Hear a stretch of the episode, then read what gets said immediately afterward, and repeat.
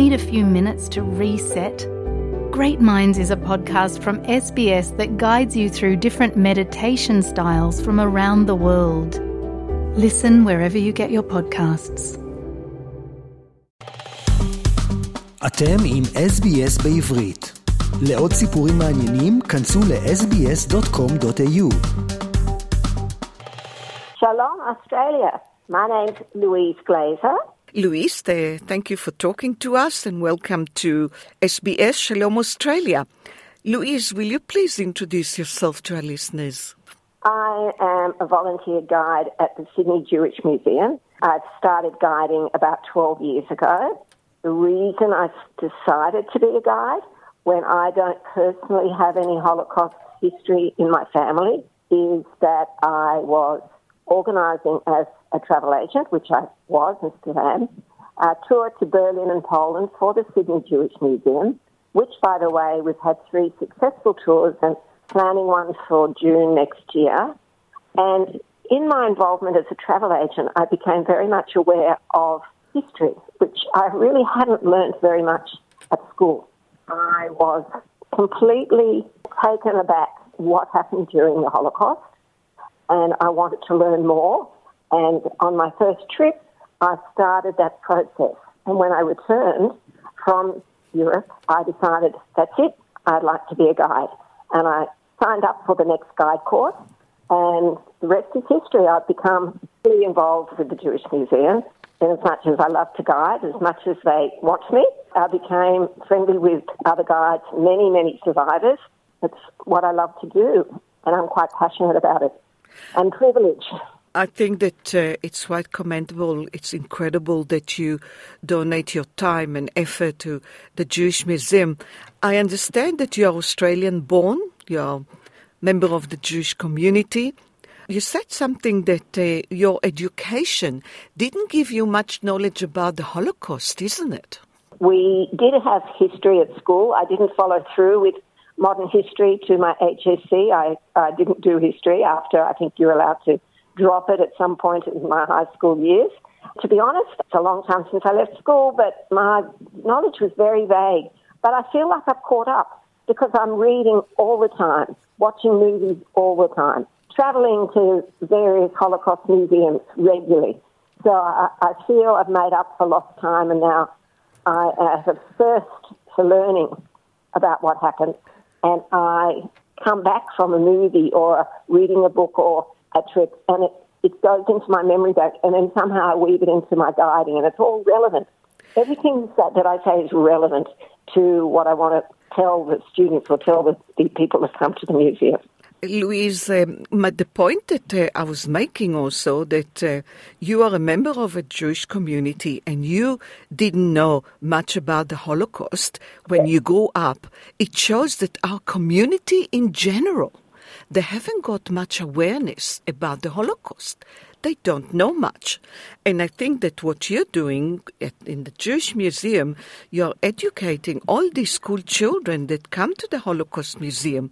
Can you please tell us about this experience of talking to school children from all around Sydney and New South Wales coming to the museum to learn about the Holocaust?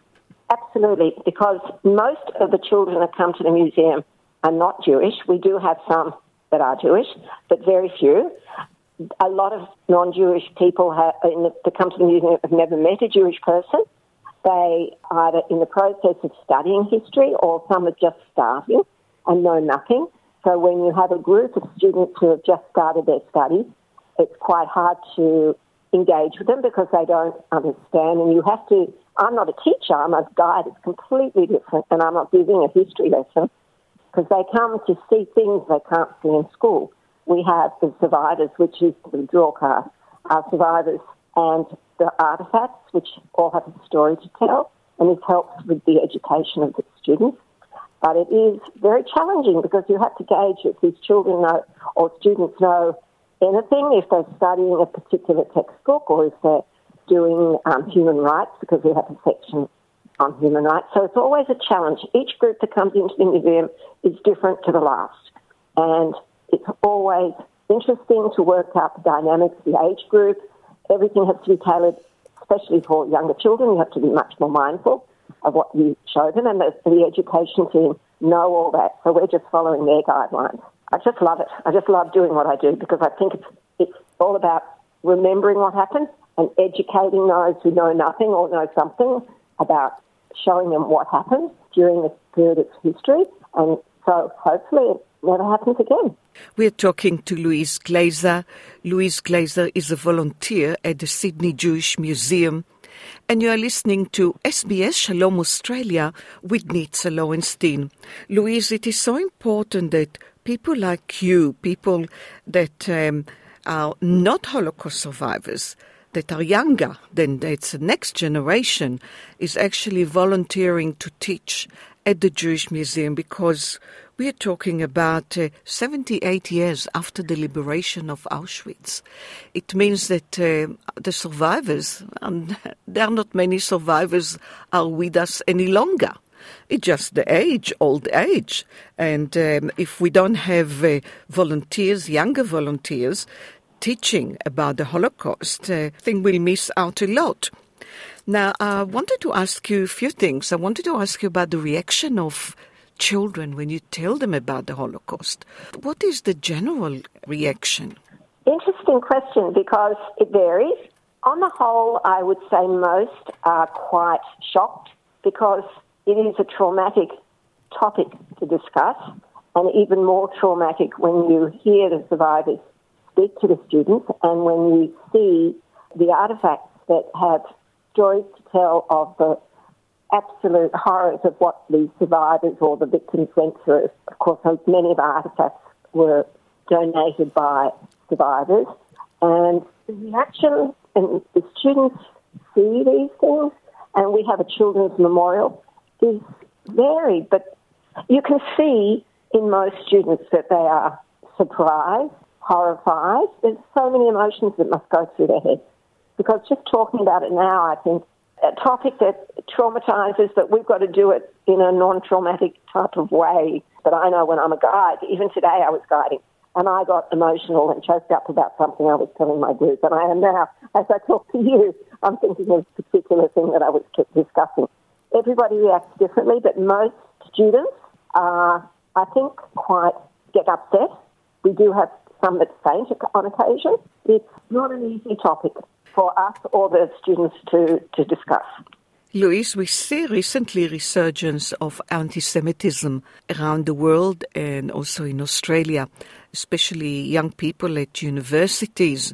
Do you think that uh, visiting the Jewish Museum in, in Sydney or the Holocaust Museum in Melbourne can change the perception of people?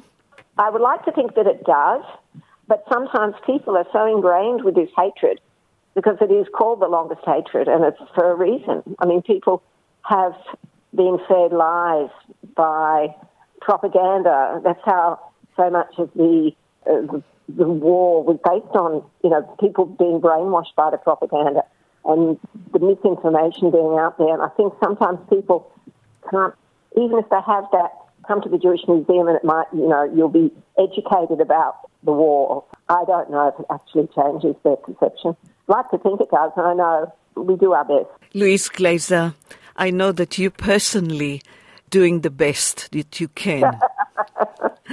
and uh, and I, I, wish more people. I think that the Jewish museums, also in Sydney and Melbourne, always looking for volunteer for highly intelligent people that can contribute their time and experience and be guides at the Jewish Museum. Thank you so much, Louise. Thank you, Nitza. It was a pleasure to talk to you today. I just have to say it's an absolute privilege for me to be able to do my little bit by being a volunteer at the Sydney Jewish Museum. Because I'm Jewish, I feel it's necessary for me to do something like this. I think it's important for all the victims, the six million who died, to have a voice, and we are trying to give them a voice. Louise Glazer, thank you so much. רוצים לשמוע עוד סיפורים? האזינו דרך האפל פודקאסט, גוגל פודקאסט, ספוטיפיי, או בכל מקום אחר בו ניתן להאזין לפודקאסטים.